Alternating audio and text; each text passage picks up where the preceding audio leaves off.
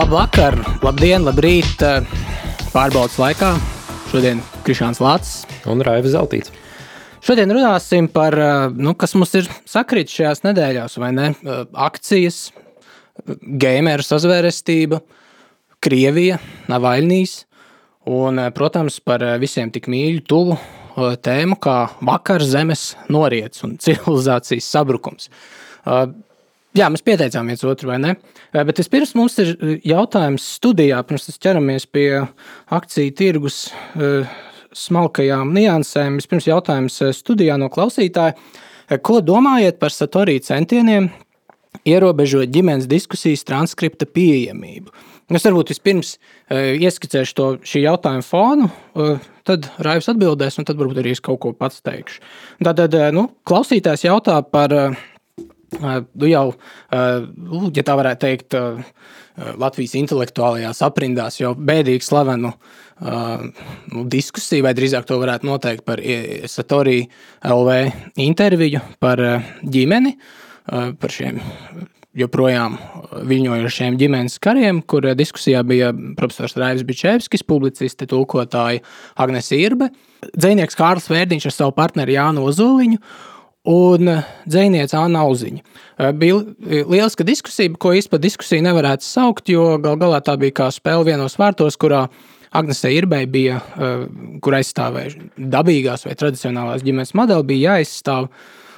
Bija jāatbild faktiski uz visu klātesošo un arī um, attālināti uzdoto komentāru jautājumiem. Uh, Gal galā nu, diskusija nu, no malas, jebkurā gadījumā izskatījās kā pilnīga, ja tā varētu teikt, konservatīvās nometnes uzvara. Cilvēki, aktīvisti no malas piedāvāja, nu, konservatīvi aktīvisti no malas, ja tā varētu teikt, piedāvāja Satorī šo diskusiju pārrakstīt un publicēt nu, tādā kā rakstītā formā internetā, savās lapās, dažādos kanālos. Satorī šo, um, Satorī šo piedāvājumu sākumā piekrita, bet kad uh, šis transkripts vai noraksts, diskusijas noraksts tika publicēts, tad eh, Satorija redaktors Henriks Elijas Zēgners sazinājās ar, ar eh, transkripta ielicēju un palūdza izņemt, atsaucoties uz autortiesībām. Kā tev šķiet? Un, ja klausītājs jautā, nu, ko mēs par šo domājam?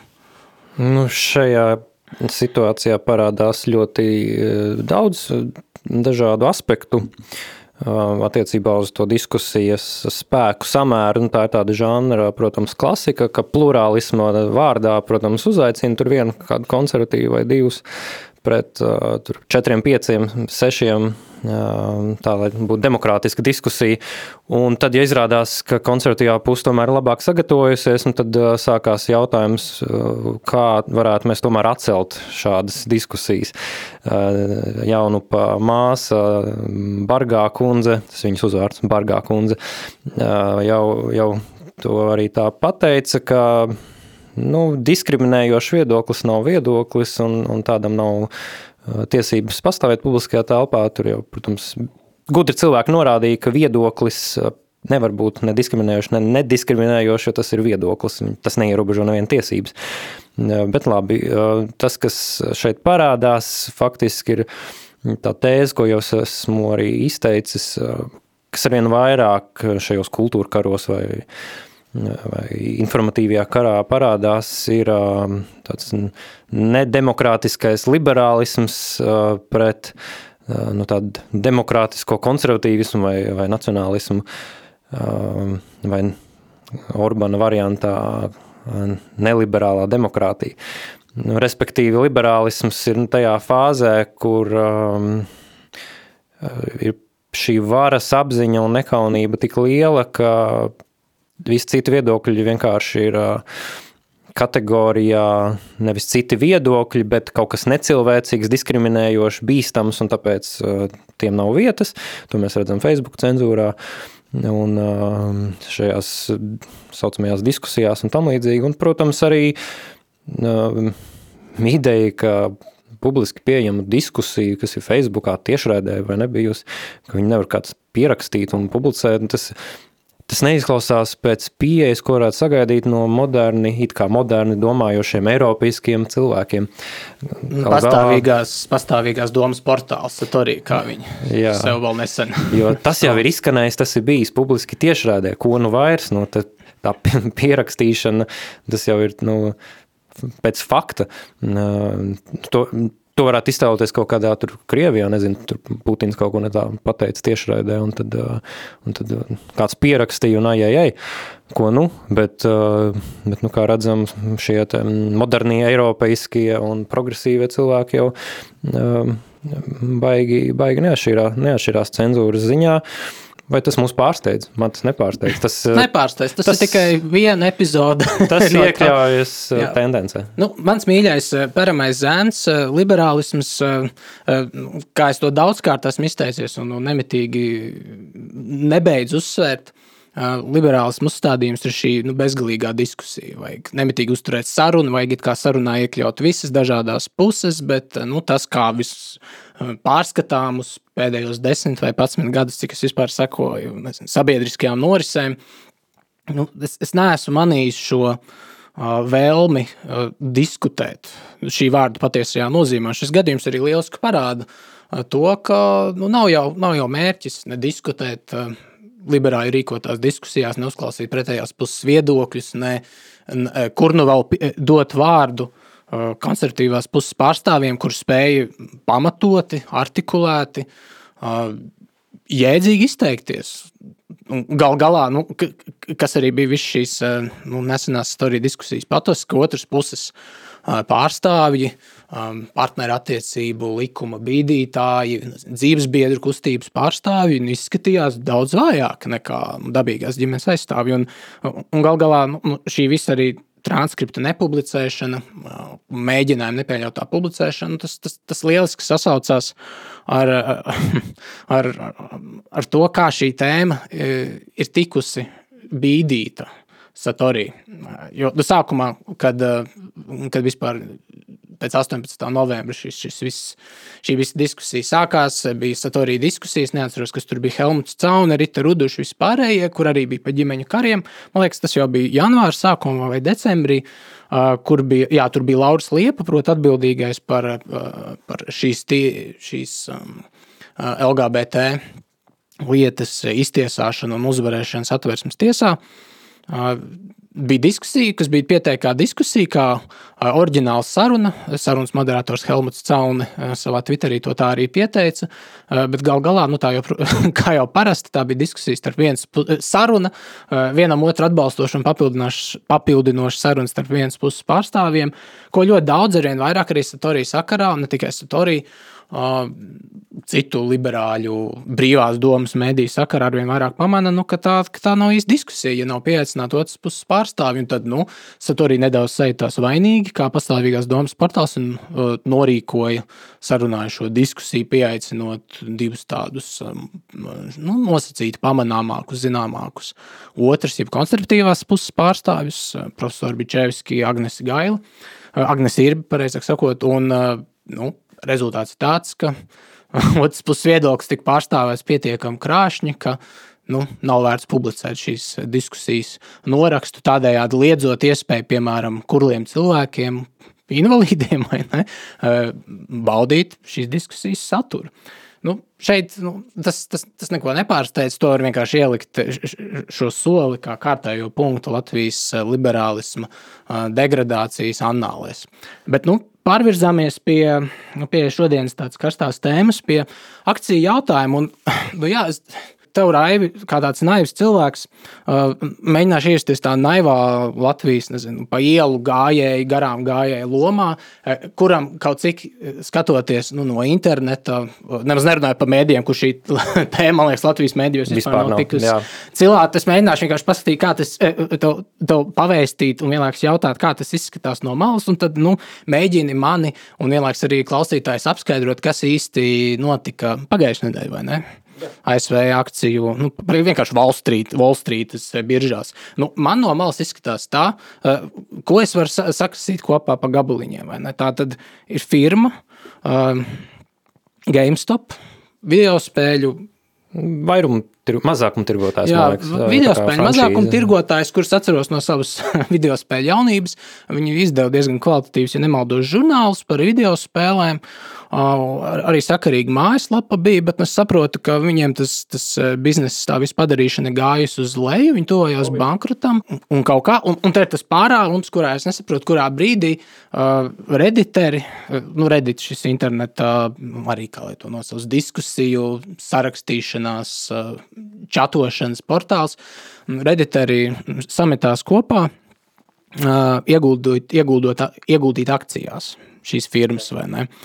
Un, un tur kaut kāds, un tagad es runāju, kā šis mazais eh, no, no ielas pieaicinātais cilvēks, un tur acīm redzot, ir kaut kāda tā, mm, uh, nu, kā to pat pasakā, schēma, kurā ieguldot, tā, tā sekas ir tāds, ka ieguldot šādā bankrotējošā firmā, akciju tirgu firmas ir saslēgts tā, ka uh, lielie dūži, jeb lielās finanses haizivs, sāk zaudēt.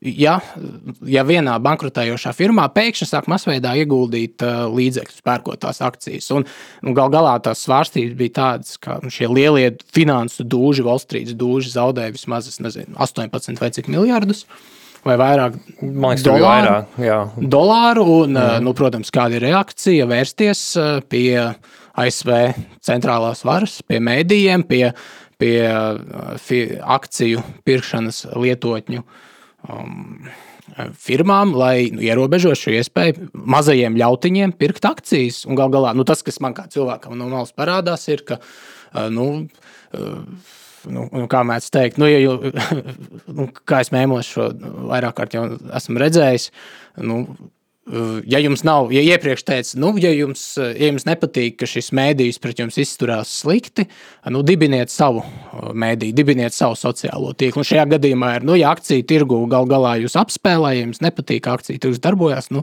dibiniet savu akciju tirgu. Un beigās, kad mazais cilvēks mēģina kaut ko darīt pats ar akcijām, nu, sanāk tā, ka pret viņu tiek vērsta gan atkal cenzūra, gan tiek atņemts lietotnes, gan arī nu, visas valsts izpirkšanas represīvais aparāts. Nu, man tas tā izskatās no malas. Līdz ar to nu, mazais cilvēks, amerikānis un arī tie, kuriem ir kaut kāds atbalsts šeit, Latvijā, nu, viņš, viņš atkal redz, ka sistēma ir uzstādīta pret mazo cilvēku.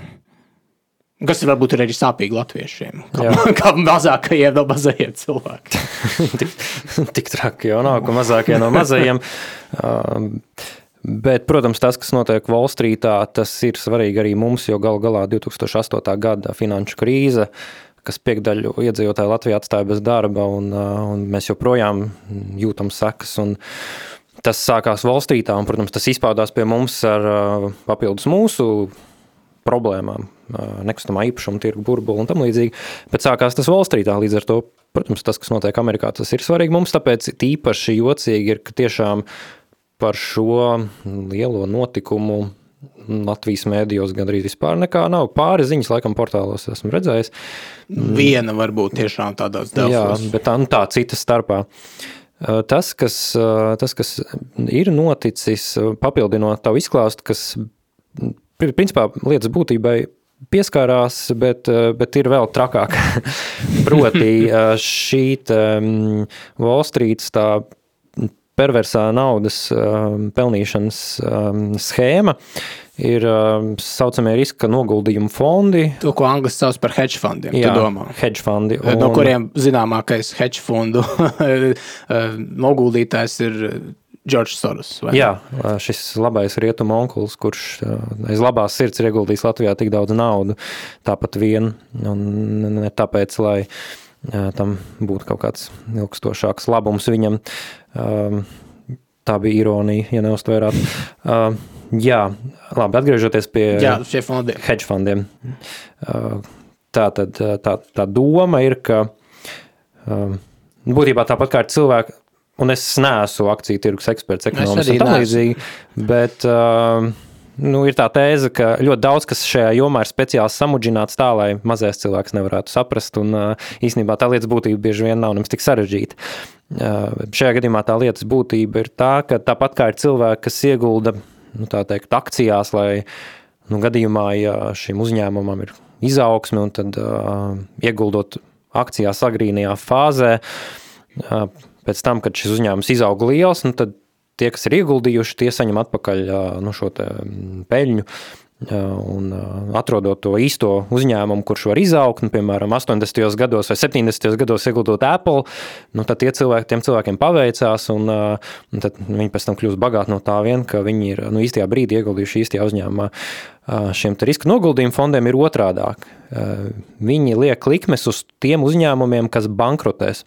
Un, ja viņi bankrotēs, tad šiem cilvēkiem ir ienākumi. Un tas savijās ar mēdīju telpu, jo tie ieguldītāji bieži vien ir dažādi finanšu eksperti un tam līdzīgi. Viņi tātad liek likmes uz kādu uzņēmumu, ka, ka viņam būs problēmas. Tad tas pats cilvēks iet, piemēram, CNN, un, un tādi gadījumi ir. Un uh, paniskā balsī stāsta, ka uh, šim uzņēmumam ir, ir beigas, uh, tur nav jēgas ieguldīt, tūlīt būs katastrofa, ņemiet ārā savus noguldījumus. Un apzināti izraisa šī uzņēmuma bankrotu, no tā nopelna cieši, protams, nu, šī uzņēmuma īpašnieki, tie, kas tur strādā. Un, nu, principā krimināla, antisociāla uzvedība, kas nu, Wallstreetā, acīm redzot, ir zināma norma. Nu, lūk, un Redditā laikam tas aizsākās tā, ka kāds cilvēks pamanīja, ka šāda lieta tuvojās attiecībā uz šo GameStop, un, un nu, tās pa pusē spontāni norganizējās tāda mm, pašorganizēšanās kampaņa, ka amerikāņi mazie parastie, kas dabūjuši kaut kādu covid naudiņu, lai varētu izdzīvot šos savus dažus simtus dolāru, milzīgā skaitā mērķiecīgi gulda šajā vienā uzņēmumā, glābjot viņu no bankrota. Protams, jautājums, ar ko tas beigsies, jo nu, mūžīgi jau nevar guldīt viņā, un, un kas, kas nu būs. Bet, eh, protams, zaudētāji ir šie mahinātori, eh, kuri cerēja, ka būs sliktāk, un viņi no tā nopelnīs. Un tāpēc ir īpaši nu, uzjautrinoši, nevar teikt, bet, eh, bet tomēr atmaskojoši šī mēdīju reakcija, kur šobrīd jau ir atklāti atklātā tekstā virsraksta, ka īstie varoņi ir šo um, hedge fonda investori, ka tie ir tie labie savukārt Reddit, nu tas ir balto pārākuma kaut kāda akcija, protams, à. rasisms visur. Tā, tā mēs esam jau šeit nonākuši, jā, šajā, jā. šajā tā kā. Tā kā viss ļoti ātri tiek um, Jo, nu, piemēram, jo, nu, piemēram, tādā kreiso mm, stāstā, skatoties pēdējiem 20 gadiem, mēs zinām, ka kreisiem patīk lamāt neoliberālismu, kaut kādiem labējiem arī patīk lamāt tā saucamo neoliberālismu. Un, un nu, teiksim, kad bija pirms desmit vai cik gadiem, okupēja Wall Street, sagrābiet mm -hmm. Wall Street kustību. Nu, tie, protestētāji pret ļaunajiem, korumpētajiem banķieriem, kuri ir samudžinājuši un iekārtojuši sistēmu, tā skaitā arī valdības virs sev par labu. Nu, tie bija tie sliktie, tie bija tie ļaunie baltie vīrieši, kuri apzoga mazo cilvēku. Lai gan nu, tas tā rasu dimensija pirms desmit gadiem vai ne, nemaz nebija tik aktuāla. Tā, nu, to es jums uzreiz varu pateikt priekšā, ka Obamas valdīšanas otrajā posmā tikai sāsinājās viss rasu Eh, stāsts ASV. Arī, ja skatās visādas statistikas, eh, Pew Research un tam līdzīgi, tas, tas tikai Obamas otrais posms, līdz ar to rasu jautājums nebija to laiku. Un, Nu, un šodien, nu jā, es jau gribēju tev tikko jautāt, eh, nu, nu vai nav tā, ka par šiem banķieriem pirmajā brīdī internetā uzgavilēja gan nezinu, labējie, gan kreisie, vai nav kaut kāda vienprātība, bet nu, ņemot vērā no tā, ka tu man stāsti, ka mēdīja aparatūra jau tiek ieslēgta pret nu, jā, šiem GameStop akciju pircējiem, kā pret baltā pārākuma sludinātājiem, kā pret kārtējiem nu, nezinu, nacionāli populistiem un anarchistiem un, un ļaundariem un vienkārši nepieklājīgiem cilvēkiem, kuri šūpo laivu. Nu, arvien vairāk sāk izskatīties, ka, ka, jā, ka, ka tas, ko mēs saucam par kreisajiem, kur ierasti ir bijuši kapitālisma nu, kritiķi, atmaskotāji, nu, izstāsta, ka viņi arvien vairāk ir nostājušies liela kapitāla pusē. Tā tendence ir izteikta. Šajā gadījumā nav tik izteikta, kā varbūt vasaras Lives Matter grautiņos un tam līdzīgi. Jo arī kreisākie no Amerikas kongresmeņiem ir šobrīd vienā frontē ar Tedu Kruzu un lielākajiem no konservatīviem. Tas ir tāds bezprecedenta, ka visi nostājās faktiski šoreiz vismaz kongresa līmenī. Bet, protams, nevelti visas lielās šīs korporācijas kopš Occupy, Occupy Wall Street kampaņas ir ieguldījuši kreiso kustībās ar mērķi novirzīt šo destruktīvo enerģiju uz, nos no korporācijām uz maziem uzņēmējiem, ka tie ir Amerikā lielākais ļaundars kreisajiem ir maza veikaliņa īpašnieks, baltais cilvēks, kurš ir tātad rasists apspiedējs, nevis Wall Street banķieris. Un, un, un šajā gadījumā, protams, tas atkal no jauna, no jauna saslēdzās iesaistot mēdījus, lielos mainstream mēdījus, kuru uh, nu, kur misija lielā mērā, un viņi arī piedara šiem, šiem oligarhiem, viņu misija ir attaisnot šo oligarhu privileģēto stāvokli šajā sistēmā. Un, protams, nu, šī sistēma kārtu reiz parāda savu liekulību, it īpaši šis moments, ko mēs vēl nepieskārāmies, bet viena no aplikācijām populārākajām, kur var pirkt akcijas akciju tirgu ar ironisku nosaukumu Robin Hood, tātad ņem nos no bagātajiem, dod mazajiem, viņi aizliedza pirkt šīm, šīs te GameStop akcijas. Brutāli vienkārši iejaucoties brīvajā tirgu. Un tas galīgi nepārsteidz, atceroties to, kas notika pirms dažām nedēļām ar koordinēto Trumpa kontu slēgšanu, izreikināšanos ar Parleru.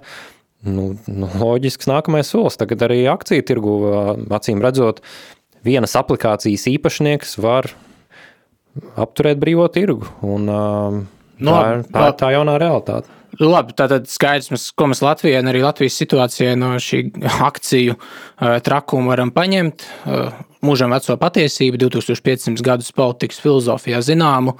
Uh, proti, politikas filozofija mēģina šo jautājumu risināt, ko mēs šobrīd aplādē vai podkāstā neatrisināsim.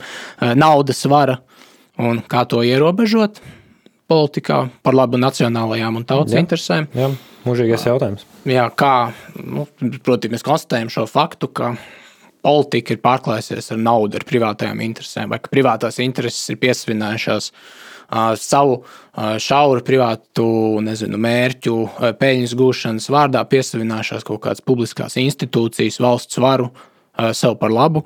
Un otra mācība, nu, vēstījums un arī kaut kādā ziņā. Uh, nu, jā, otra patiesība, ko mēs varam paņemt, ir nu, brīvais tirgus, kā to reklamē, īstenībā neeksistē. Ne?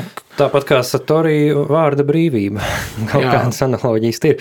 Bet šeit arī ir pozitīvais aspekts, proti, šis pašorganizēšanās aspekts, kā cilvēki tomēr spēja uh, atrast tomēr šajā sistēmā, kas kļūst ar vien tāda nu, nebrīvāka, nospiedošāka, globālāka, līdz ar to katrs indivīds jūtas arvien bezspēcīgāks, tomēr cilvēki atrada kaut kādu caurumu tajā, kā viņi var sacensties joprojām ar šiem resnajiem runčiem Wall Streetā.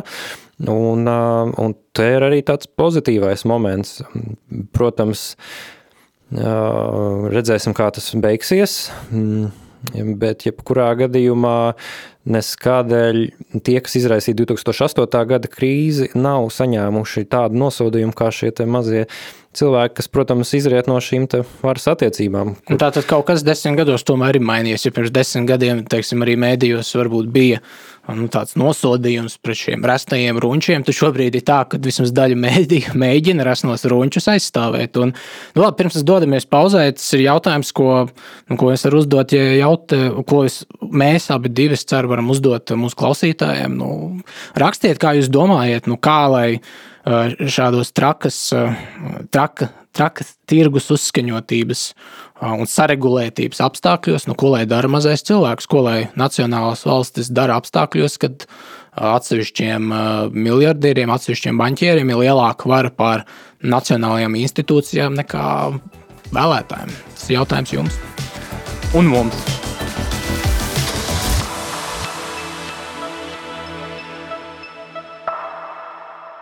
Esam atpakaļ pārbaudas laikā pirms pauzes jau, nu, tā varētu kopsavilkt, kur runājam pirms pauzes, tiešām tehnoloģija loma mūsdienu civilizācijā, mūsdienu, nezinu, arī politiskajās cīņās, decentralizēti tīkli, organizēšanās savstarpēji, mistiski pagrīdes čati, telegram kanāli, kuriem valdība netiek klāta un tam līdzīgi. Nu, tas viss ir jautājumi, kuri kaut kādā ziņā pārklājas ar to, par ko pēdējās nedēļas nemitīgi runā par Krieviju. Nu, divas nedēļas, laikam, vai ne? Tajā brīdī, kad šis raidījums skanēs, jā, tad jau būs trīs nedēļas. Trīs vai četras jau. Jā, jā. proti, Navaļnijas un Krievija. Un, nu jā, lai gan parasti man Krievija ļoti interesē, un Krievija ir tāda dziļa rēta manā sirdī, jo uh, es esmu nacionālists, bet uh, no otras puses man vecmāmiņa ir krievieta, līdz ar to es esmu ceturdaļa krievs. Uh, Man ļoti interesē šī valsts. Es esmu Jā. pats braucis uz Krieviju. Man kaut kādā ziņā tur patīk.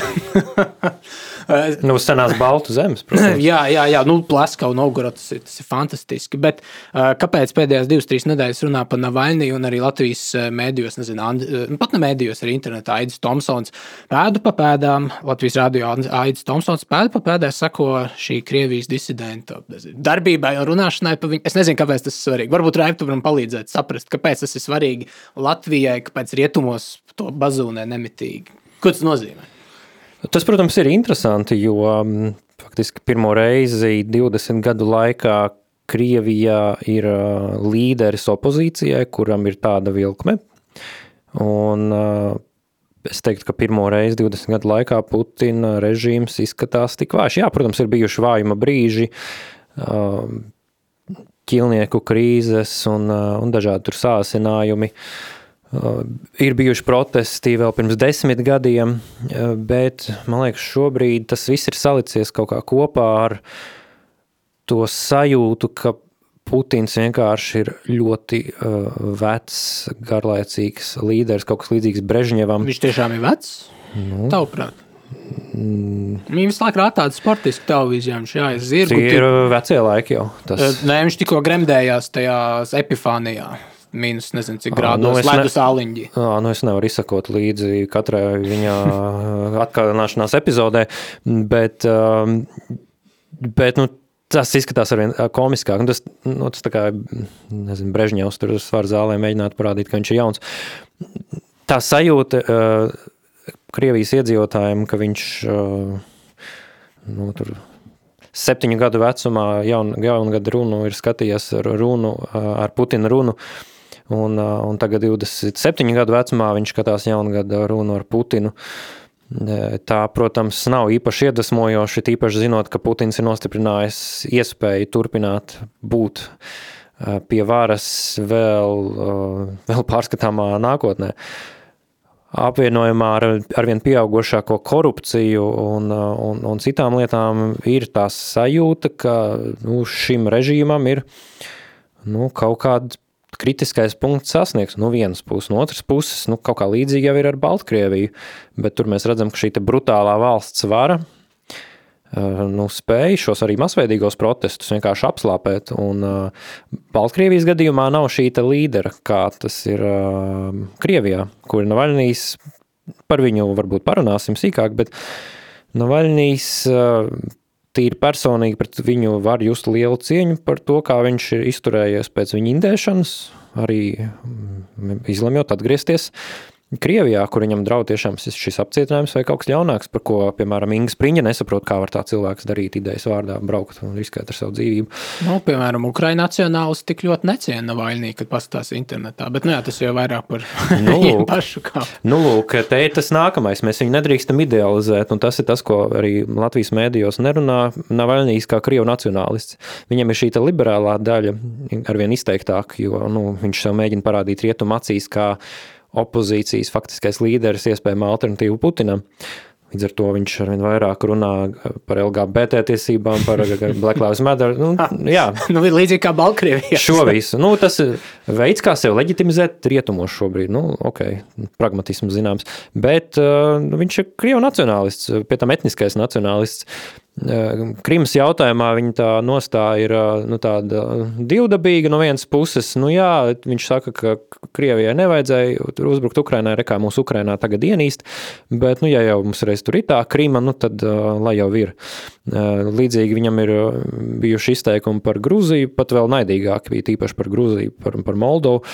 Tā kā, nu, tas nebūs nekāds lielais Latvijas draugs, ja viņš nonāks pie varas, un tas bet, jāsaprot. Viņš, jā, bet, nu, redz, ja kurā gadījumā viņš ir Krievs un Krievs Krievu nacionālists. Bet reiz mēs atkal runājam par cilvēkiem. Nu, kā, mēs runājam par Putinu, jā, viss šī uzmanība uz vienu personu, Putins un, un ļaunais Putins un korumpētais Putins un, un, un šis piecas dimensiju šaha spēlētājs Putins kā zirneklis, kura tīkli vai, vai nezinu, taustekņi vai kājas stiepjas uz visām pusēm un rausta uh, nacionālistus un anarchistus visā pasaulē, tīpaši Eiropā rausta dažādas grupējumus Latvijā, rausta un kusti Kremļa garā roka, nevēl šī metafora, rausta dažādas nezinu, grupējumus, arī ietekmi tīklus, arī oligarhus un ekonomiskās sviras Krievijā.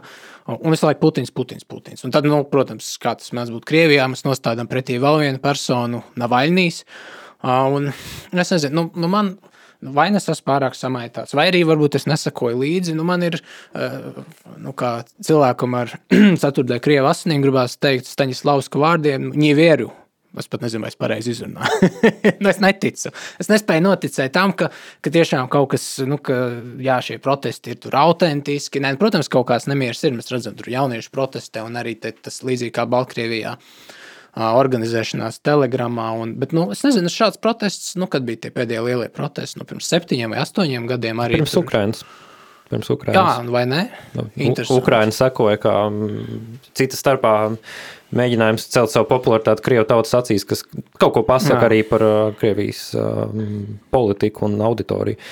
Nu, jā, un, nu, piemēram, nu, labi, ja īsi par savu, par savu versiju, nu, nu, tas, tas Putins, eh, Putins nav vainīgs korupcija Krievijā. Nu, man, man ir grūti noteikt, tas vispār kaut ko nozīmē, ja nu vienīgi tiešām neliela sakritība to, ka nu, nezinu, mainās, mainījusies administrācija ASV, nu, tad varbūt nezinu, pro, uzreiz proaktīvāka vadošo Atlantijas Savienības valstu nu, nezinu, politika vai nostāja gan pret, gan pret Krieviju, gan pret, nu, nezinu, gan pret Baltkrieviju. Bet nu, no otras puses, kad, nu, kad es sarakstos ar saviem uh, nu, somu, Krievijas tā varētu nosaukt, Igaunijas somu paziņā. Nu, viņi, arī, nu, viņi, viņi tā drīzāk arī viņi seko līdzi dažādām autonomajām kustībām Krievijā.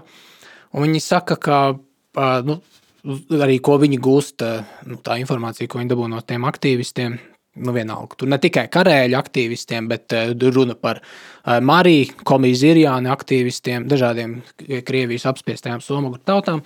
Un viņas visi saka, ka nu, tā ir versija, vai ne? Bet, nu, varbūt apdomāšanai, nu, ka tas viss ir, nu, Navaļnijas tiešām fikcija, labi, Krievu nacionālists, varbūt maigāks par Žirinovski. Uh, es esmu dzirdējis bez, bez mazliet tādu versiju no viņiem, ka uh, ka Krievijas komunistiskā partija esot īstāka opozīcija nekā Navainijas, jo, jo lūk, šī Krievijas komunistiskā partija nu, reizēm var samest tās balsis, lai apstrīdētu vai nogāztu kādu no Putiņa, Putina ielikteņiem šajās nu, nosacīta autonomajās republikās. Un tad, nu, nezinu, protams, izklausās traki, bet nu, vismaz šie dažādie autonomo Uh, autonomo republiku, etnisko mazākumu tautību pārstāvi, viņi vispār netic. Viņi, uzskata, ka visa šī nu, jā, pilsētu, nu, pilsētu jauniešu burbulēšana saistībā ar Navainiju pret Putinu, nu, ka tas ir tāds kā bezmazliet iestudēts cirks un, un ka tas tam nav iespējas mainīt neko. Krievijā. Un, un, es nezinu, nu, viņi to droši vien saka, vai ne? Tāpēc, nu, kā mēs jau noskaidrojām, Navainijas krieviskais, e, etniskais krievu nacionālists, nedaudz liberālāks. Nu. Tur ir daļai taisnība tādā ziņā, ka tas visticamāk neko fundamentāli Krievijā, Krievijā nemainīs, jo Krievija nevar vienkārši fundamentāli mainīties, jo tās varas attiecības un varas resursi ir sakārtoti tā, ka viens cilvēks nemaina šo sistēmu. Es domāju, Navaļnija opozīcija Putinam ir patiesa, tas nav šovs. Tīri tāpēc, ka tas pazemojums, ko viņš ir nodarījis spēcdienestiem Putinam personīgi, man liekas, ir pārāk liels, lai to lai tā būtu daļa no spēles. Ja, ja vajadzēja à, norganizēt jā. Uh, kaut kādu šovu par opozīciju, to varēja izdarīt citādāk. Šis tomēr nu, baigi nesmuki liek izskatīties uh, gan Putinam, gan šiem dienestiem, kas galu galā ir ar reputāciju kā nu, tādi, kas Nepacel, nu, jā. nepacels klausuli anonīmam zvanītājam. Jā, bet vai ne kaut kā pēdējos gados atkal grūti saprast, nu, tas droši vien neizskatās. Iestudēt pēdējos gadus grū un šiem dažādajām iekšlietu spēku struktūrām, nu, viņam visu laiku sanāk kaut kāda misēļa, vai ne ar Salisburijas incidentu Lielbritānijā un kaut kas gan, ar, gan saistībā ar Ukrainu, gan, protams, visu šī plejāda ar uh, notriektu Ukraiņas lidmašīnu. Nu, visu laiku ir šī tāda misēta, un tu nevari saprast, nu, tas, tas parāda, ka kaut kas uh, Krievijā iekšēji, nu, mums no ārpuses izskatās ļoti stipri, kaut kas ir nu, baigi sapūs. Tā, tā varbūt ir tā, no vienas puses Krievijas tā nu, mūžīgā dualitāte, no vienas puses tas kaut kāds spēks un impēriskās ambīcijas, no otras puses mūžīgais uh, bardaks un, un, uh, un neizdarība, bet, uh, bet iespējams tur arī šī ilgtermiņa kaut kāda degradācija no nenormālās korupcijas, kuras pēcdienās ir iekļāvušies šajā sistēmā kopā ar oligarhiem. Bet uh, Krievijas nākotne manā skatījumā noteiks šīs te, nu, tādas sistēmiskās lietas un uh, Un tā ir elite, tie ir tie spēki, kas Krievijā darbojās. Un, um, labi, Navaļņīs ir cilvēks no malas, kas uh, šobrīd uh, mēģina ienākt Krievijas politikā, bet Krievijas politikā līdz šim uh, Tā ir šī pati impēriskā sistēma, kas ir nodrošinājusi šo varas maiņu. Nu, Jeļcins iecēla Putinu, Jeļcins nāca no komunistiskās partijas, komunistiskā partija, tas vēl ir atsevišķi tās, un Bet Krievijas politika jau no tā nemainās. Krievijas politika maina tikai tas, vai Krievija tajā brīdī ir vāja vai stipra. Ja viņa ir vāja, vāja tad ir drošāka sajūta mums, tad mums ir iespēja būt neatkarīgiem. Ko līdz Krievija kļūst stiprāka, vienalga viņa komunistiska, impēriska, demokrātiska, kāda. Ja ko līdz viņa ir stiprāka, tā ir problēmas mums. Ja Navaļnijas pieņemsim, viņš nāk pie varas, viņš, viņš atzīst geju tiesības Krievijā, un tā tad rietumu pasauli viņu pieņem, bet viņš neatdod Ukrainai Krimu, nu, tas baigi labi mums ir, nu vai no tā arī ja viņš teorētiski nonāk arī šajā sistēmā, tur tāpat būs visi šie varas centri. Tur būs spēcdienas ar savu nenormālo kontroli par Krievijas dzīvi. Tur būs oligarhi, kas kontrolē faktiski visus Krievijas eh, varas resursus, naudu, dabas resursus. Un tur būs militāristi, kas grib karot. Nu, un, ko šis cilvēks bez. Nu, kas ir šī cilvēka varas bāze? Tie ir stihiski protestētāji. Nu, tas vēsturē nav, nav pierādījies kā ilgtermiņa kaut kāds varas resurs. Tā kā tavai skepsē es pilnībā pievienojos. Ne tāpēc, ka Navaļnijas būtu viltus opozīcija, bet tāpēc, ka pat ja viņš ir īsta opozīcija, nu, nu un savat, es neko nemainu. Nē, no savas puses tiešām tikai var piebilst to, ka uh, es varu noreklamēt tādu filmu, uh, Ādams Kertis, nu, drīzāk, jā, režisoru Ādamu Kertisu, tādu BBC strādājušu uh, dokumentālo filmu režisoru. Viņš veido baigi labās dokumentārās filmas par nu, modernitāti, tehnoloģiju ietekmi uz politiskajiem lēmumiem, uh, par to, kā gal galā nu, tiešām viņa pēdējo filmu kopsaucējs tāds, ka politiķi mūsdienās neko īsti nevar. Un, nu, arī nu, skatoties gan uz to, kas notiek Baltkrievijā, gan arī kā tas tiek caur internetu organizēts gan Baltkrievijā, gan Krievijā, tā paralēli ar Kērtis filmām ir tāda, ka Nu, mums šķiet, ka jā, internets radīs šīs unikālās iespējas. Beidzot, mazais cilvēks, šis mūsu mītiskais mazais cilvēks, kaut ko var izdarīt. Paņemt vietā un rokā, mobilizēties un gāzt tirānus, bet nu, arī kā ļoti labi saistībā ar arābu pavasari. Ādams Kērtis savā filmā parāda, nu, ka, nu, ka viņam ir tieši viena vai divas filmas, filmiņas veltītas tieši šim arābu pavasara fenomenam, kur arī jau, un tas bija pirms cik desmit gadiem, Tā arī sanāk, jā, pirms desmit gadiem, jā, 2011. gadā. Visiem šķita jālūk jauno tehnoloģiju izraisītas revolūcijas, beidzot Arābu valstīs būs demokrātija, cilvēktiesības, pašnoteikšanās, gāsta vara. Un it kā jā, pirmajā brīdī gan Eģiptē, gan visur citur tas bija tāds spontāns caur internetu un caur čatiem organizēts revolūcijas, bet nu, gal galā, nu, kur, tas, kur tas viss aizved? Nekas īpaši nav mainījies vai netuvojos austrumos, un Eģiptē rezultāts arī bija tāds, nu, ka pie varas ir nu, ļoti putiniska paskata tāda menedžētā demokrātija. Nu.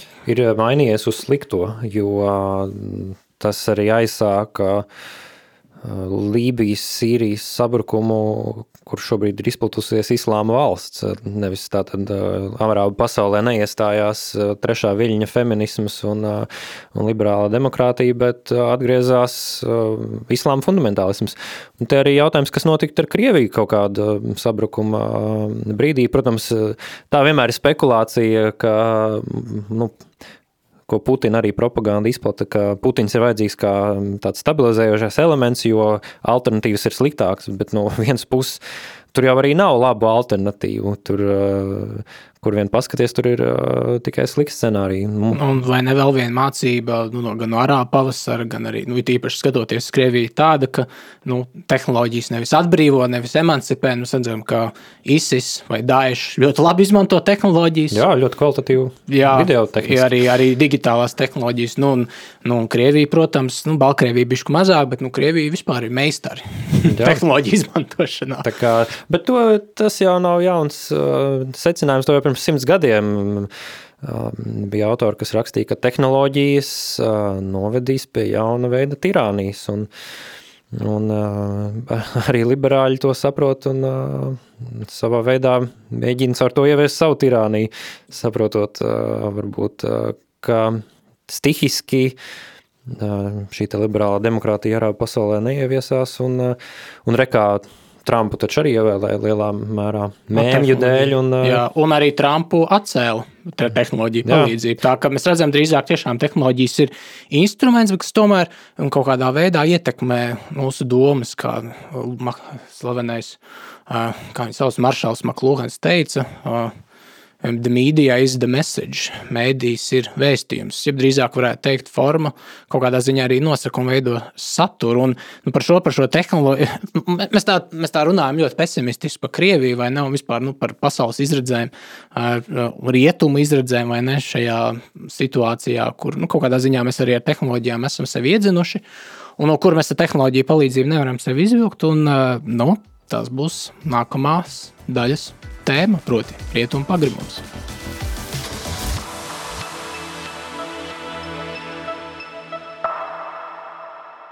Esam atpakaļ pārbaudas laikā, un beidzot mēs esam mērojuši šo ceļu no, jā, no tehnoloģijas uz tehnoloģijām un dumpiem un tehnoloģisku dumpju neiespējamību Krievijā. Uh, alternatīvas neiespējamību Krievijā. Un nu, šajā trešajā sadaļā mēs gal galā mums ir jārunā par uh, to, par alternatīvas neiespējamību rietumos. Un, nu, par cik mēs iepriekš runājām par Krieviju, Krievija mums, nu, ja mēs tā Latviju lepni gribam sev iedomāties kā daļu no šīs lielās un skaistās kultūra telpas, ko sauc par rietumu pasauli, Krievija viens no viņu veiksmīgākajiem, ja tā varētu teikt, retoriskajiem cīņas eh, ieročiem, eh, nu, infokaru ieročiem ir eh, par rietumiem runāt kā par pagrimušajiem vai par sapūšajiem rietumiem. Un, nu, kā to šķiet, Raivi, vai rietumi ir sapūši?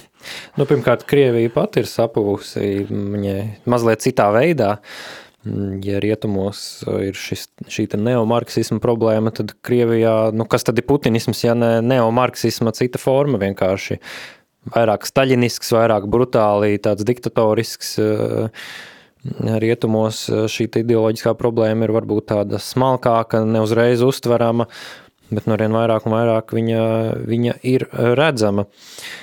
Vai rietumos nav iespējama alternatīva, tik kategoriski varbūt es neteiktu, bet attiecībā uz šīm te tendencēm ir pazīmes par nopietnu krīzi. Es negribētu teikt sapuvušie rietumi vai, vai pagrimušie, jo nu, tomēr lielākā daļa rietumu cilvēku, parunājot ar viņiem, es domāju, viņi ir ļoti tālu no no šī ideoloģiskā radikālisma, kas valda mm, tajos pašos mainstream mēdījos, um, universitātēs un tam līdzīgi, bet tomēr savu nereaģēšanu un klusēšanu un, un, un nepretošanos tā tendence ir izteikta. Un, jā, nu, civilizācija tāda norieta un uzplaukuma stāstā jau tāda zināma tēma vēsturnieku filozofu vidē. Tur, tur nu, tieši tāpēc es gribēju teikt, ka nu, pirms, pirms simts gadiem jau mums abiem, par ko mēs neizbēgam runāsim, pirms simts gadiem Osvalds Špenglers. Arī Latvijā nevarētu teikt, nezinām personību, piemēram, Harijs Tumans regulāri savās intervijās, profesors Harijs Tumans regulāri popularizē Osvaldu Špenglera darbu Vakarzemes noriets, kas laikam tappa kurā gadā? Uh, pirmais, man šķiet, ka pirmais sējums bija 1919. Viņš, nu, sāka, viņš sāka rakstīt kara laikā, vēl optimistiski. Mm. un tad, kad Vācija zaudēja Pirmo pasaules karu, tad, tad viņa secinājumi kļuva pesimistiskāki. Bet tomēr šim darbam ir liela vērtība neatkarīgi no Vācijas. Tas darbs nav rakstīts no Vācijas perspektīvas, tā Špenglera. Uh, nu, pievienotā vērtība ir, ka viņš no tā dērgļa skatījuma mēģina paraudzīties uz šīm civilizācijām, tā skaitā rietumu civilizāciju. Uh, jā, Harijs Tumans ir liels Špenglera koncepcijas piekritējs. Man pašam man bija periods, kad man Špenglers bija tāda zināma autoritāte, bet es teiktu, šobrīd, uh, šobrīd varbūt es daļēji no viņa ietekmes esmu atgājis, Tādā ziņā, ka man šķiet, viņa, viņa koncepcija ļoti tāda akmenī cirsta katrai civilizācijai. Viņš raksta, ka ir tūkstots gadu cikls, kad viņa rodās, uzplauks, noriet. Un, jā, protams, ir analoģijas šajos posmos civilizācijām, bet tomēr tas ir pārāk, pārāk tā, mm, nu jā, akmenī cirsts un arī uh, Špenglers ļoti nodala civilizācijas. Viņš saka, ka katra civilizācija ir unikāls organisms, kas nu, faktiski savstarpēji neietekmējas. Viņš ļoti nodala, piemēram, grieķu romiešu civilizāciju no Eiropas civilizācijas, rietumu civilizācijas. Bet, nu, Nav jau, nav jau tā, ka vēsturē ir šis viens scenārijs. Mēs paskatāmies uz Ķīnu, kas tūkstošiem, nu, tūkstoši gadus faktiski pastāv. Viņai ir bijuši krīzes periodi, bet nu, viņi ik pa laikam atzimst. Un, nu, tur nav šis austrumu noriets. Kā, nu, jā. Nē, nu. Tas pats par islāma civilizāciju, kurai tagad nu, islāma ideja, kas bija aizmirsta faktiski, viņi ir daudz spēcīgāki nekā pēdējos 500 gadus. Jā, vai ne? Špenglers, man liekas, viņš arī tajā darbā uh, atskatās. Es varu spekulēt, varbūt es vienkārši runāju par kādu no Špenglera citām esejām, kur viņš izsakās par islāma pasauli, bet viņš tiešām paskatās uz tā laika. Uh, Osmaņu sabiedrību, un tur, os, nu, mm. vai os, tas, kas palika pāri no Osmaņu impērijas pēckara un kara laikā, un viņš sacīja, ka tā ir nu, pagrimusi, beigusies civilizācija, islāma civilizācijas noriets. Nu, un re, kas notiek paudze pēc Špenglera ar islāmismu kustību, kas aizsākās mm, pagājušā gadsimta vidū. Jā. Jā, un, un kur mēs esam tagad ar ISIS un Al-Qaida, un kas nav maza radikāļu sekta. Tā ir, tas ir avangards atzimstošai islāma kustībai, islāmisma kustībai. Nē, bet pagaidiet, Tas, tas mans jautājums, un es iejūtos tā liberālā kritiķa vārdā, kurš kritizētu ne tikai Spengleru, bet nu, vienalga Krieviju, kur kliedz par sapūšajiem rietumiem, arī vidusmēra, teiksim, nezinu, gan ASV, gan, gan Latvijas tādu nu, konservatīvu noskaņotu cilvēku, kurš arī uzskata, nu, notiek, ka notiek kaut kāds, kaut kādā mērā notiek vakarzemes noriets, nu, tad tas tāds kā liberāls jautātu, nu, bet pagaidi, pirms simts gadiem jau Spenglers konstatēja, ka notiek vakarzemes noriets, nu, simts gadi pagājuši, nu, mēs tā kā joprojām norietam. Nu, tas no, nu, kas tas par norietu, kurš turpinās 100, 200, 300 gadus? Nu, tā liberāļa vaina ir, ir tieši tā, ka liberālis, kur liberālisma centrā ir indivīds un indivīda mūžs ir tik, cik viņš ir garš. Konservatīvais, kāds bija arī Špenglers, viņš spēja paraudzīties uz gadsimtiem un tūkstošu gadiem. Uh, Bet es teiktu, ka rietumu šī krīze ir daudz noriet, norit daudz straujāk nekā analoģiski gadījumi. Nu, Romas impērijai krīze 4-5 gadsimtus ilgi, ja mēs vēl tur ierēķinām Konstantinopols krišanu, tad vispār tur tūkstots gadi. Paskatāmies uz rietumu civilizāciju pirms mazliet vairāk kā gadsimta pirms Pirmā pasaules kara. Rietumi kontrolēja faktiski visu pasauli, izņemot varbūt nomaļus džungļu nostūrus un, un Ķīnu, kas bija neutralizēta, bet nebija pilnībā kontrolē, pilnī, pilnīgā kontrolē. Britu impērija, lielākā impērija pasaulē. Rietumiem piederēja pasauli. Nu, Japānā joprojām cilvēks staigā uzvalkos, rietumu uzvalkos, Jā, un arī Ķīnā. Nu, Japāna kā tāds izņēmums, kur rietumu vara nenonāca vismaz līdz otrā pasaules kara beigām. Netiešā veidā Japāna pārņem tehnoloģijas un, un uzvalks. Un Jā, bet nu, fakts ir tāds, ka visur pasaulē joprojām staigā cilvēki rietumu uzvalkos, tā ka mēs redzam to ietekmes kaut kādu. Nu, tā, ir tā, lūk, tā ir tā virspusē ietekme. Politiskā ietekme rietumiem vēl ir, bet, nu, ja pirms vairāk kā simts gadiem tā bija tieša politiska kontrola impēriju ietvaros, tad tagad tā ir. Nu, Amerika ir uzņēmusies zinām vadošo lomu un, un nu, savu ietekmi izpauž caur Startautisko valūtas fondu, dažādām institūcijām, likuma varu, Holivudu, masu kultūru, bet uh, tā tendence nav rietumu labā, jo mēs redzam arī Ķīna var ielausties, piemēram, uh, gan tehnoloģiju tirgu, gan, uh, gan Holivudā. Tāpat ar šo te tehnoloģiju jautājumu. To jau Spenglers arī paredzēja pirms simts gadiem, ka rietumi, uh, uzdāvinot tehnoloģijas pārējai pasaulē, faktiski iedod ieroci pašiem pret sevi, jo nu, tā rietuma tehnoloģija ir viegli pārņemama, kopējama, un uh, piemēram, Āzijas tautas ar savām darba spējām un uh, netik lielajām komforta prasībām kā rietumnieki daudz vairāk spēja iesaistīties šajā industriālajā pasaulē, ko mēs arī redzam. Ķīnas straujais, straujais uzlēciens. Ķīna paņēma rietumu tehnoloģijas un tagad tā ir pretendē uz pasaules lielvaru. Tā kā tās tendences galīgi nav rietumiem pa labu, un arī paskatoties uh, Eiropu, kas ir bijušo impēriju tāds, nu, centri. Šūpulis. Šūpulis un, un faktiski nu, varenās rietumu pilsētas, kas ir bijušo impēriju galvaspilsētas, tāpēc viņas arī tik skaistas un varenas. Nu, kāda tur ir demogrāfija, kas tur dzīvo? Vai tie ir rietumnieki, vai tie ir bijušo koloniju iedzīvotāji, un kuriem šī saikne ar rietumu civilizāciju kļūst arvien mazāk, jo ar ko gan viņiem asociēties, nu, ko, viņi, ko gan viņi var atrast rietumu kultūrā šobrīd, lai viņi integrētos. Tā, tas ir viens kultūras ietekmi, neviens vairs rietumu nepieņem, vairs neskatās vairs, kas, nu, kā uz šo pilsētu kalnā tāda ļoti populāra gan 18. Jo kas, kas ir rietumu identitāte šobrīd, jo pirms gadsimta skaidrs, ka nāca koloniālisti, viņi pie reizes arī mm, kristietību, brīvo tirgu ievies, nu, britu koloniālisti. Uh, varbūt citas impērijas, vēl kaut ko, bet nu, tur bija skaidrs komplekts - kristietība, demokrātija, tehnoloģijas.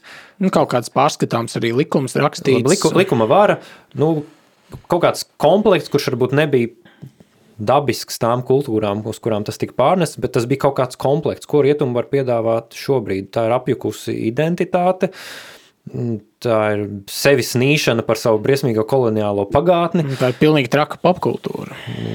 Nu, jā, un uh, mēs redzam, piemēram, islāma pasaules reakciju uz šo uh, piedāvājumu. Tā ir no vienas puses viņi pārņem, islāma valsts gadījumā, viņi pārņem tehnoloģiskās iespējas propagandēt savu ideoloģiju, taisīt augstas kvalitātes video, mēmes, uh, propagandu, Photoshop plakātus. Propaganda ir pēc rietumu tehnoloģijām, bet saturs ir visradikālākais rietumu kultūras noraidījums. Jo nu, islāma pasaules iedzīvotājiem nav pieņemama ne pornogrāfija, ne, ne, ne šī popkultūra, ne apjukusā, ap, apjukušās dzimumu lomas un, un vispārējais. Un mēs redzam, kas, riet, ka šajā islāma valstī iestājās. Tie ir trešās, otrās paudzes imigrantu bērni no rietumu pasaules, kas bēg uz Sīriju, lai pievienotos šai briesmīgajai alternatīvai. Nu, ja cilvēki bēg uz šo briesmīgo alternatīvu, tad tas kaut ko liek izdarīt secinājumus par, par rietumu kultūru. Neaizstāvot nekādā veidā, protams, to, to kas ir islāma valsts. Nu, man stāsts patieši par šo rietumu kultūras norietu. Nu, Jā, daļai jāpiekrīt Spenglera tezē. Es domāju, mēs vēl par demogrāfiju, pa demogrāfiju tu pieminēji viens, jā, vairs nav šī kultūras spēka, ko tu pieminēji, nu, nav saistoši, nevar nepārliecināt šīs citas tautas. Kaut kādā ziņā nepārliecina arī tāpēc, ka nu, rietumi šaubās paši par sevi pēckara postkoloniālās, nu, nu, kā lai to pasaktu, domāšanas dēļ, ka nu, mēs, ne, mēs gribam, lai šīs dažādas tautas pašas risina savus jautājumus un atrod pašas sevi. Un, un dibina pašas savas politiskās institūcijas. Eh, tas ir viens, ot, eh, tā, tā kultūras neticības sev, pašai sev un savam pārliecināšanas spēkam, tam, ka rietums spēj piedāvāt kaut ko citiem. Otrs, vai ne, demogrāfija. Man liekas, tas ir tāds eh, empiriskāks jautājums, nu, bez mazliet izmērāms jautājums, ko man liekas ļoti spēj. Nu, es varbūt šaubītos tīri no, no, no tādas kristietības perspektīvas. Par, nu, tā kā, no kristietības perspektīvas es pilnībā nepieņemu to Spengleru tēzi, jo Spenglers arī, piemēram, kristietības skata, skata vienkārši kā organismu kultūras fenomenu, ko cilvēki paši mm -hmm. ir mhm. izaudzējuši, radījuši un tad ielikuši kaut kādās kultūras formās, un tas ir tālāk izplatījies. Nezinu, kāpēc mums vai vācieši ir izdomājuši tur reformāciju un tam līdzīgi. Kaut gan kristietība pat sev saprot kā atklāsmes reliģija. Tas, tas ir viens, bet nu, demogrāfija, man liekas, tiešām varētu būt tas aspekts, nu, kas tāds diezgan mērāms, pēc kā varētu runāt tiešām par reālu norietu un eh, nu, rietumiem. Jā, nu, demogrāfija, un man liekas, ASV arī principā virzās uz šo. Demogrāfija ir absolūti nu, jā, konstatējama realitāte, ko tas ir interesanti arī, ka liberāļi to atsakās redzēt. Un, nu, te, protams, Spengleram šīs analoģijas ir ļoti nu, pamatotas ar Romas norietu, kur arī ne jau Roma, Roma sabruka tāpēc, ka viņa pēkšņi iebruka barbaru armijas, tā kā Holivudas filmās rāda.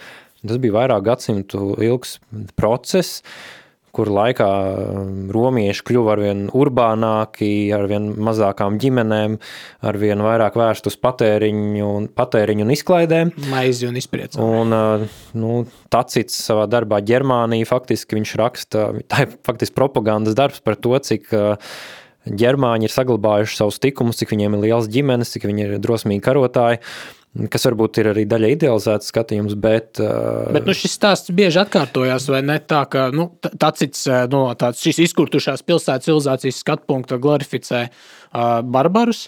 18. gadsimtā franču aristokrāti, nu, tur vienalga Voltērs, uh mhm. -huh. Rousseau, slavē arī šo dabisko cilvēku, šo dabisko cildeno mežoni, kā kaut ko, kas ir izbeidzis no civilizācijas spaidiem un ir tāds īstenāks nekā dabiskāks un, un, un, un labāk dzīvojošāks nekā, nekā Parīzes eh, bohēmisti, Parīzes pilsētu kultūra, un, tad, piemēram, 19. gadsimta nogales krievu aristokrāti, kur arī eh, aristokrāti radikāļi, pilsētu intelektuāļi, kur arī slavē šo krievu mužiku, krievu zemnieku kā to īsto tikumu nesēju, eh, kuram ir jādod visa vara, nu, mēs, nu, kas, kas, protams, arī nu, īstenojās ne tā, kā šie aristokrāti to bija paredzējuši. Jā.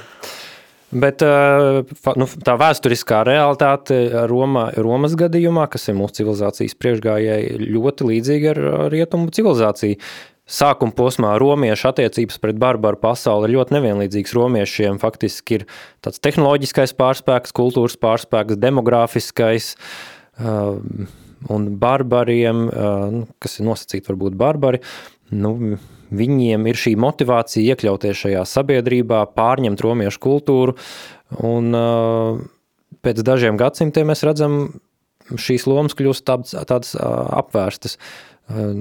Šie ģermāņi sāk ar vien vairāk nicināt Romu. Viņiem tehnoloģiju šis tā, līmenis viņš izlīdzinās, viņš dabiski izlīdzinās. Tas pats, kas notika ar Rietumiem un Āziju šo, pēdējā gadsimta laikā. Uh, Un, nu, kas notiek Romas pēdējos gadsimtos, tur faktiski ir barbaru imigrantu, dažādi kašķi, cīņa par varu, kaut kādi imperatori ielikteņi, kamēr faktiski valda šie ieceļotāji. Un šī kultūras no, nomaiņa bija tāda nu, ļoti organiska un likumsakrīga. Tas, ko arī aprakstā Mišels Velbeks, kurš starp citu arī satraucās tieši demogrāfiju. Jā. Viņam ir viens no galvenajiem jautājumiem. Uh, jā, gan pakļaušanās darbs gan pakļaušanās, gan, eh, varētu teikt, tiešām pēdējie trīs Velbeka darbi, un to viņš arī savās intervijās stāstīs. Viņš saka, ka demogrāfija ir viena no viņa centrālajām tēmām, ar ko viņš arī saista jā. Jā, pakļaušanās eh, rietumu vitālā spēka zudumu.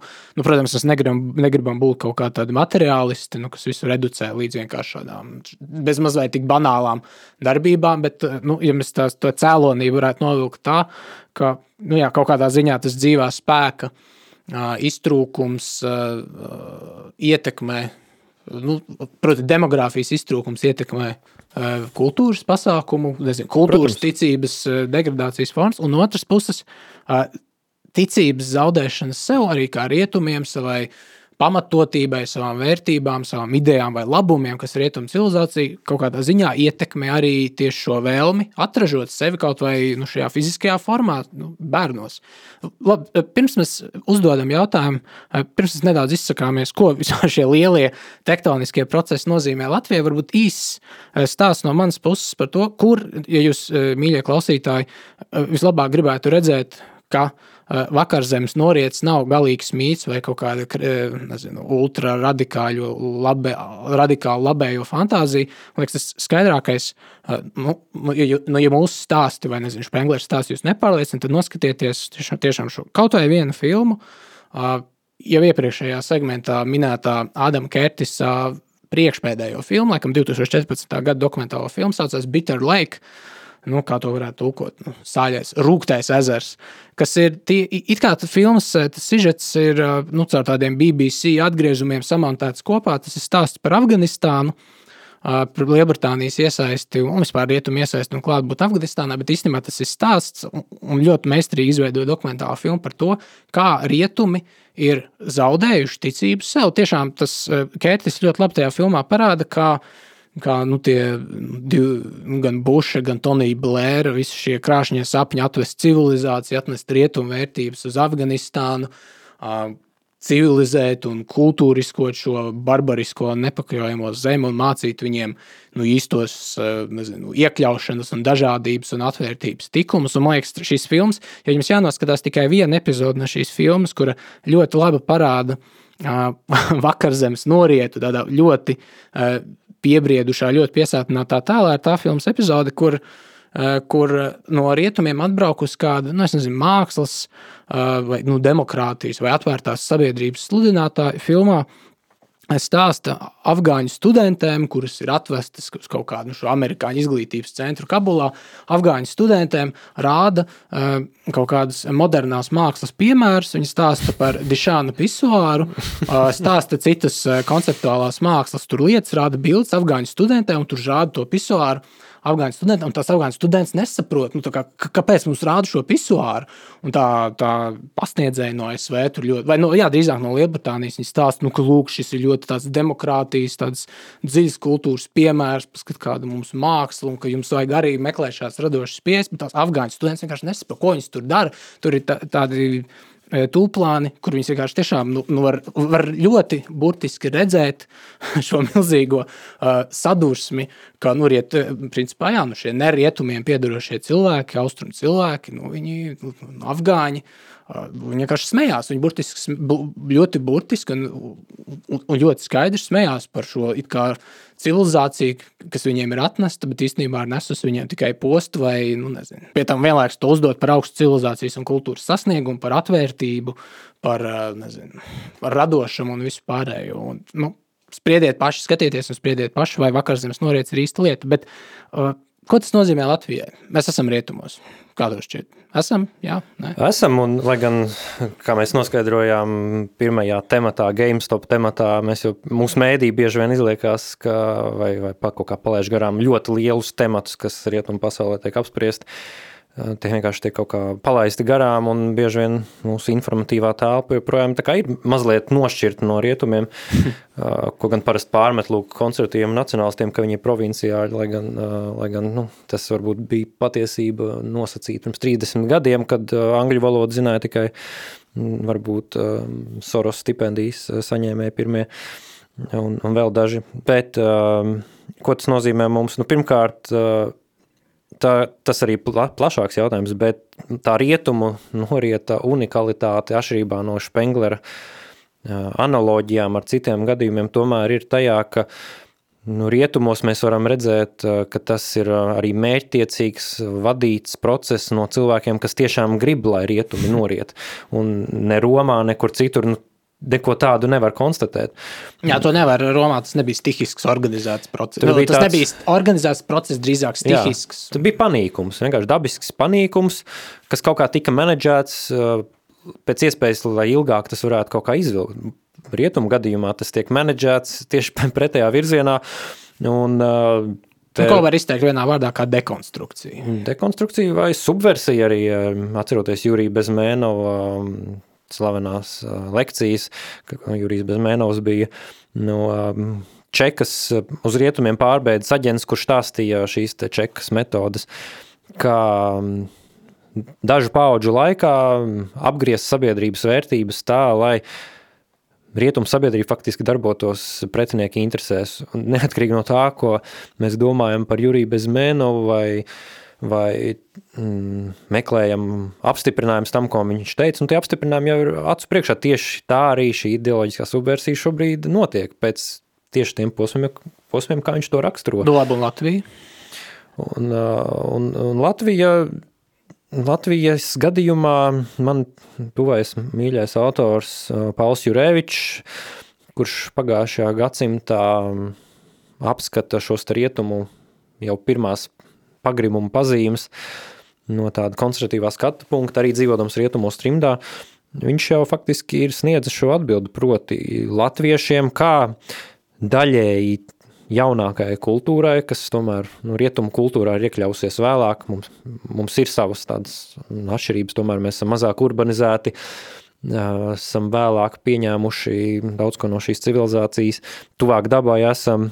Kas, protams, ar katru paudu samazinās šī unikalitāte. Bet, bet tomēr... nu, dzīvē atmiņā, paudžu atmiņā vēl ir vismaz šī Jā. pieredze. Nu, vēl varētu pieskaitīt klāt uh, pretošanos padomju totalitārismu, kas ir arī radījusi tādu, nu, zinām, pretestības kultūru. Mūsu misija, saskaņā ar Paulu Jurēviču, kam es pilnībā pievienojos, ir vest ārā rietumus no šī labirinta. Un te es neesmu tāds pesimists kā Špenglers. Man tuvāks ir Arnolds Toinbijs, kurš ir britu autors, kurš arī apskata civilizāciju ciklus. Mm, viņš, viņš raksta, un, un es arī tam piekrītu, ka nu, civilizācija un kultūra ir cilvēku gribas nu, kopsuma, un cilvēka griba tomēr ir atkarīga no cilvēka paša, un mēs katrs varam ietekmēt apkārtējos cilvēkus, un, un mēs redzam arī citās kultūrās gal galā ir šie atzimšanas momenti, ir mm, varbūt ne mums tik izdevīgi islāmismu atzimšana vai, vai, vai, vai citi šādi gadījumi, bet no nu, arī rietumiem ir iespējama atzimšana, un Latvijai nav jābūt valstī, kas nekritiski vienkārši pieņem visu to, kas nāk no rietumiem, kas ir provinciāli, bet tomēr ir jāizvērtē un jādomā arī, ko mēs varam sniegt. Un mēs varam, es domāju, sniegt daudz vairāk, lai nu, rietumu kultūra atgrieztos uz šī ceļa, bet šeit ir šis svarīgais moments, kā tu teici, nu, vai mēs vispār esam rietumu kultūra, mums jāapzinās, ka mēs esam un, un ka mums ir arī savs ieguldījums šajā procesā. Nu, šeit es tev jā, varu gandrīz pilnībā pievienoties. Es varbūt esmu nedaudz pesimistiskāks, dēļ, nu, nezinu, kristie, daļai pesimistiskāks, dēļ daļai kristietiskām. Uh, daļai kristietiskiem motīviem es, es, es šaubos par rietumu atzimšanu. Man ir vairāk tāda beigu laiku sajūta, bet nu, varbūt tā ir vienkārši kaut kāda reliģiska iracionalitāte, un, un, un, un, varbūt tas ir kaut kāds mans aizspriedums un ilūzija. Bet tiešām es to varu tikai pievienoties saistībā ar to, ka ka, nu, ja vispār kaut kas tāds kā rietumu, nu, vienalga vai Eiropas atzimšana notiks, tas ir iespējams tikai caur šīm Eiropā salīdzinoši vēlāk integrētajām, vēlāk iekļautajām kultūrām, caur šīm.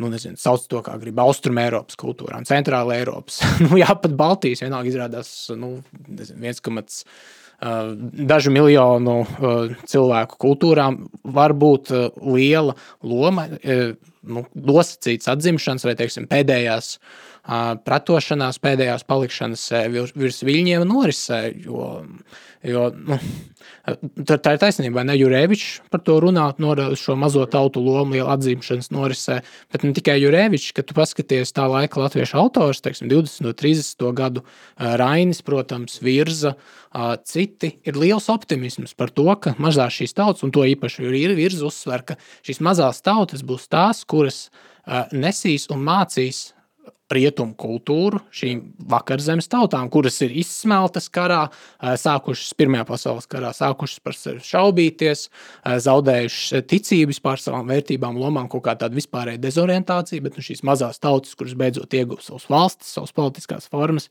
starpkara periodā, nu, ka viņas varētu kaut kādā veidā sintēzējot šīs rietumu vērtības ar, ar, ar, savu, ar savu vēsturisko pieredzi, no vienas puses, kaut kā uh, iesvelt jaunu uh, ideisku liesmu, jaunu iedvesmu, arī plašākā Eiropas kontinentā. Un, nu, tas ir, ja, ja jārunā par kādu cerību, tas varbūt ir vienīgais, kas mums ir atlicis šī nosacīta Austrum Eiropa, Centrāla Eiropa, mazās uh, tautas. Jā, un tas arī sasaista mūsu nacionālismu ar šo plašāko, plašāko perspektīvu.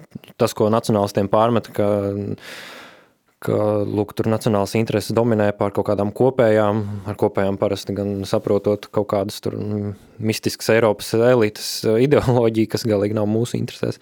Bet, uh, bet tas, ko mēs tiešām varam pārņemt no šī starpkara perioda, ir, šī te, ir šīs atziņas par mūsu tādu īpašu misiju, uzdevumu. Uh, rietumu kultūras kontekstā kopā ar citām centrālās austruma Eiropas tautām. Jā, un tīpaši, man liekas, Ukrainas pievienošanās mums nosacīt pēdējos gados, tas kaut kādu optimismu vieš, ka mēs neesam, teiksim, tiešām tikai mēs, Baltija, nezinu, tur vēl poļi, varbūt kaut kāda ungāra, bet, nu, Ukraina, pasties, nu, 44, 40 miljonu milzīga valsts, varbūt Baltkrievija, varbūt vēl kāds, nu, mēs neesam vieni, un tas arī ir dažādas tautas ar savām pieredzēm, savu mm. unikālu pienesumu tajā, tajā, kas ir Eiropējiskums, šis dažādu Eiropas tautu audekls. Un, nu, tā, tā, tā, tas varbūt, tā varbūt tiešām ir vienīgā tāda cerība, vienīgais tāds optimisms stariņš, kas nu, vismaz mūsu šajā nedaudz pagurušajā kontinentā varētu ienest jaunu. Jaunu dzīvību, jaunas asinis. Nu, ko, es skatos, ka mūsu laiks jau ir iztecējis. Nu, paldies, tev, Raivi! Paldies tev! Jā, pār, pārbaudas laiks ir iztecējis. Jā, pārbaudas laiks ir iztecējis. Un, nu, mīļie klausītāji, ja jums ir kādi jautājumi, eh, iebildumi, eh, šaubas par vienalga, par vakarzemes norietu, par Krieviju, par Navaļniju vai par eh, jūsu pienesumu akciju tirgus destabilizācijā, ja jums kāds viedoklis, lūdzu, sūtiet mums, jautājiet. Uz satikšanos! Uz satikšanos!